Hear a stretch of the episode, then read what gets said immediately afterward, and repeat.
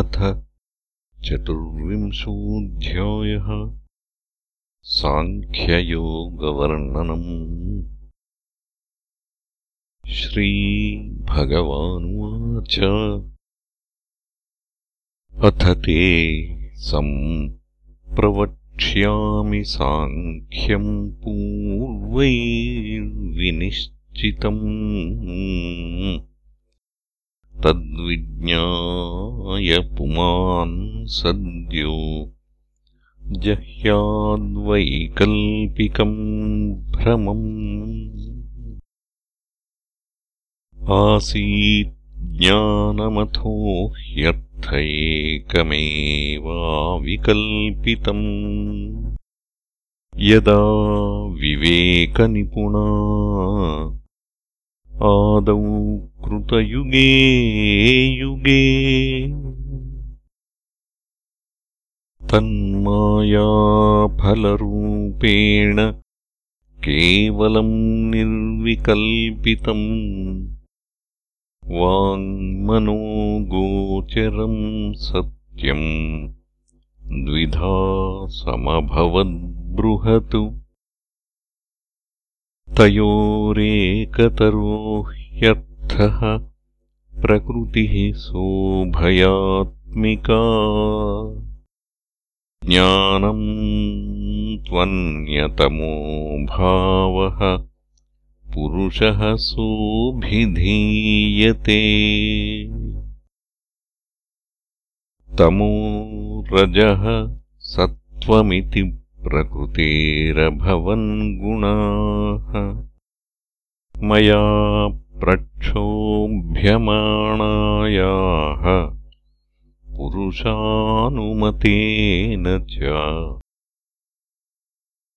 तेभ्यः समभवत्सूत्रम् महान् सूत्रेण संयुतः ततो विकुर्वतो जातोऽहङ्कारो यो विमोहनः।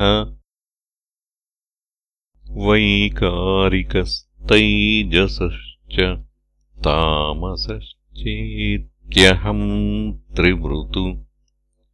तन्मात्रेन्द्रियमनसाम् कारणम् चिदचिन्मयः अर्थस्तन्मात्रिकात् जज्ञे तामसादिन्द्रियाणि च तैजसाद्देवता आसन्नेकादश च वै कृतात्। मया सञ्चोदिता भावाः सर्वे संहत्यकारिणः अण्डमुत्पादयामासुः ममायतनमुत्तमम् तस्मिन्नहम् समभवमण्डे सलिलसंस्थितौ। मम नाभ्यामभूत् पद्मम् विश्वाख्यम् तत्र चात्मभूः। सोऽसृजत्तपसायुक्तो रजसा मदनुग्रहात्। लोकान् सपालान् विश्वात्मा। भूर्भुवः स्वरिति त्रिधा देवानामोक आसीत् स्वर्भूतानाम् च भुवः पदम्। मर्त्यादीनाम् च भूर्लोकः सिद्धानाम् त्रितयात्परम् अधोऽसुराणाम् नागानाम् भूमेरोकोऽसृजत्प्रभुः त्रिलोक्याम् गतयः सर्वाः कर्मणाम् त्रिगुणात्मनाम्।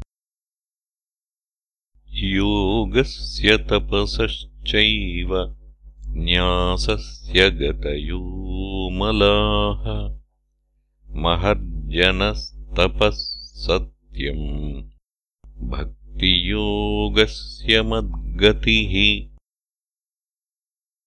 मया कालात्मना धात्रा कर्मयुक्तमिदम् जगतु गुणप्रवाहयेतस्मिन्नुन्मज्जति निमज्जति अणुर्बृहत्कृशः स्थूलो यो यो भावः प्रसिद्ध्यति सर्वोऽप्युभयसंयुक्तः प्रकृत्या पुरुषेण च यस्तु यस्यादिरन्तश्च। स वै मध्यम् च तस्य सन्। विकारो व्यवहारार्थो यथा तैजसपार्थिवाः। यदुपादाय पूर्वस्तु भावो विकुरुते परम्। आदिरन्तो यदा यस्य तत्सत्यमभिधीयते। प्रकृतिर्ह्यस्योपादानमाधारः पुरुषः परः। सतोऽभिव्यञ्जकः कालो ब्रह्म तत्त्रितयम् त्वहम्। सर्गः प्रवर्तते तावत् पौर्वापर्येण नित्यशः। महान् गुणविसर्गार्थः स्थित्यन्तो यावदी क्षणम्। विराण्मया साद्यमानो लोककल्पविकल्पकः पञ्चत्वाय विशेषाय कल्पते भुवनैः सह। अन्ने प्रलीयते मर्त्यमन्नम् धानासुलीयते। धाना भूमौ प्रलीयन्ते भूमिर्गन्धे प्रलीयते। अप्सु प्रलीयते गन्ध आपश्च स्वगुणे रसे। लीयते ज्योतिषिरसो। ज्योतिरूपे प्रलीयते।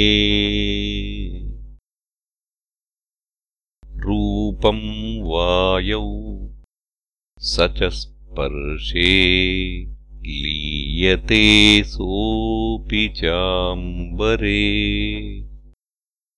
अम्बरम् शब्दतन्मात्र इन्द्रियाणि स्वयोनिषु। योनिर्वैकारिके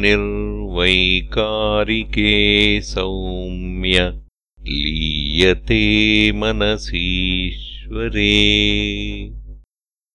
शब्दो भूतादिमप्येति भूतादिर्महति प्रभुः। स लीयते महान् स्वेषु गुणेषु गुणवत्तमः। ते व्यक्ते सम्प्रलीयन्ते तत्काले लीयते व्यये। कालो मायामये जीवे जीव आत्मनिमय्यजे। आत्मा केवल आत्मस्थो विकल्पापायलक्षणः एवमन्वीक्षमाणस्य कथम् वैकल्पिको भ्रमः? मनसो हृदि तिष्ठेत। व्योम्नीवार्कोदयेतमः। एष साङ्ख्यविधिः प्रोक्तः संशयग्रन्थिभेदनः प्रतिलोमानुलोमाभ्याम् परावरदृशामया। इति श्रीमद्भागवते महापुराणे पारमहंस्याम् संहितायाम् एकादशस्कन्धे चतुर्विंशोऽध्यायः